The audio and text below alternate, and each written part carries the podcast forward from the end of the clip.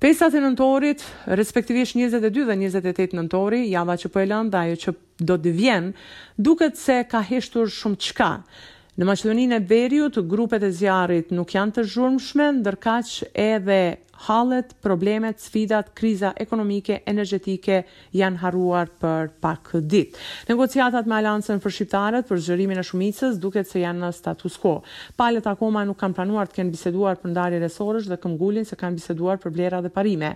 Kryeministri Kovaçevski me përgjigje identike është drejtuar se të gjitha partitë që ndajnë vlera me koalicionin tonë dhe janë pro rrugës europiane dhe hyrjes së Maqedonisë së veriut në Bashkimin Europian e kanë vendin në qeveri dhe dyert i kanë të hapura. Por mund të konfirmoj se për ndarje resorësh nuk bisedohet, bisedohet akoma në nivel të konceptit dhe vlerave politike, është shprehur Dimitar Kovaçevski. Njëzet e dy nëntori, njëqind e katërmbëdhjetë vjetori i Kongresit të Manastirit ka nisur me festime nga Likova e Kumanovës. Zëvendëskryeministri i parë i vendit, Artan Grubi, së bashku me kryetarin e Likovës Erkan Arifi, drejtorin e Ndërmarrjes Publike për Rrugët Shtetërore Ejup Rustemi, ministrin e Arsimit dhe Shkencës Jeton Shaqiri, deputetë dhe banorë të zonës kanë nisur festimet nga Likova duke përuruar projekte të realizuara si rrugën e riparuar tërësisht Llopatë-Mateç dhe më pas me homazhe në varrezat e dëshmorëve në Hotël dhe me mbjelljen e fidanëve në sheshin e dëshmorëve në Mateç kanë përkujtuar të gjithë ata veprimtarë të asaj zone të cilët vunë jetën e tyre në shërbim të përjetësimit të idealit kombëtar të gjuhës dhe arsimit.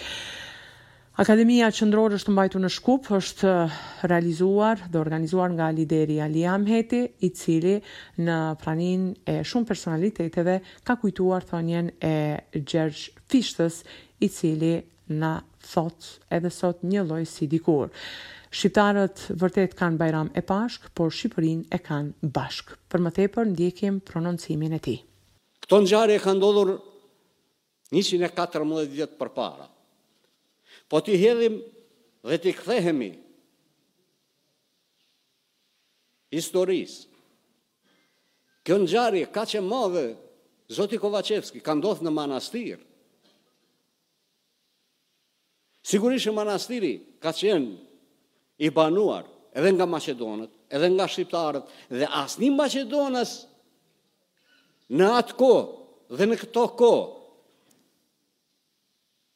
ndoshta atëherë televizione E portale nuk ka pas, por shënimet kanë mbetur. Kërkush nuk ka reaguar nga bashkëqytetarët tanë maqedonas, përkundrazi, janë përkrahur të gjithë ata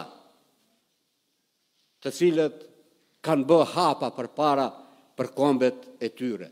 Manastiri ka strehuar Çerçiz Topullin e Mihal Gramenon, bashkë me kryengritës maqedonas të cilët Së bashku kanë punuar e vepruar për të patur lirinë e tyre, si atë kombëtare, atë gjuhësore e kulturore. Jo rastisht ndodhi jo larg manastirit edhe Krusheva. Marrëveshjen që e bën bashkë shqiptarë, maqedonas e vlleh.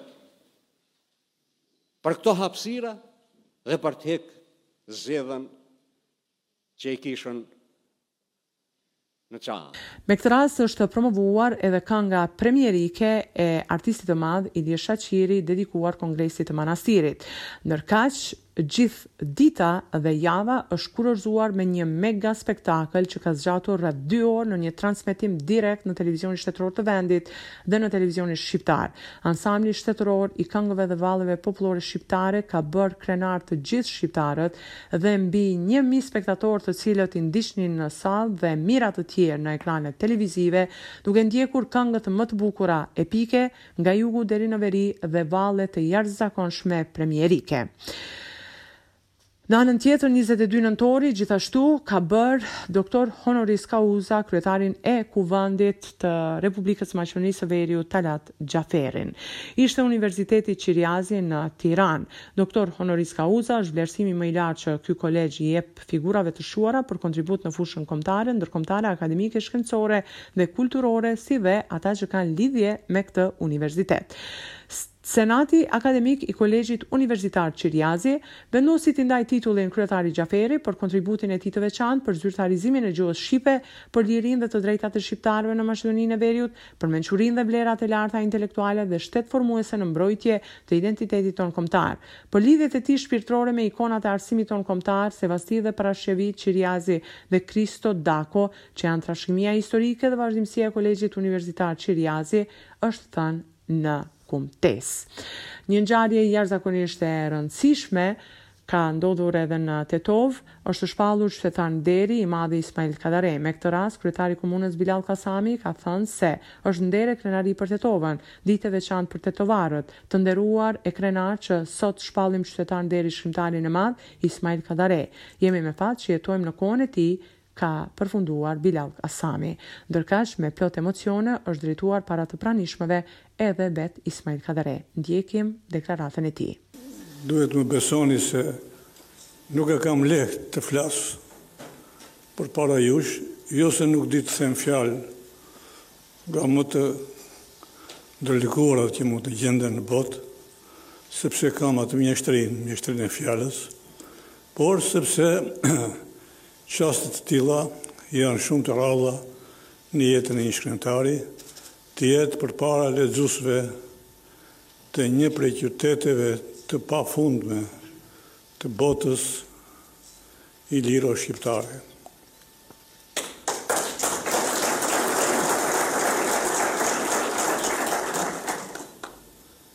Unë kur dëgjoj fjalët e bukura tuaja për atë çka kam shkruar, harroj çdo mundim që kam përjetuar, sepse shkrimtari ka mundime të mëdha kur shkruan, por nuk ka vlerësim më të madh për të se sa mbledhje të tilla kur njerëzit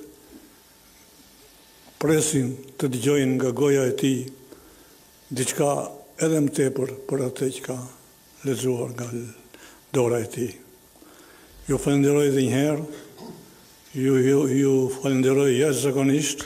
Tashmë po bëhen përgatitje në të gjitha qytetet për shënimin sa më dinjitoz të njëzet e tetë nëntorit. Do stolisen qytete me flamuj, do të mbahen akademi dhe programe të ndryshme artistike. Megjithatë, ngjarjen qendrore, e ka rezervuar sërish Ansambli Shtetëror i Këngëve dhe Valleve Popullore Shqiptare që në Sallën e Madhe të Teatrit të Operës dhe Baletit në Shkup, në zemrën e shqiptarisë, do të festojnë njëqind e dhjetë vjetorin e shtetformimit shqiptar.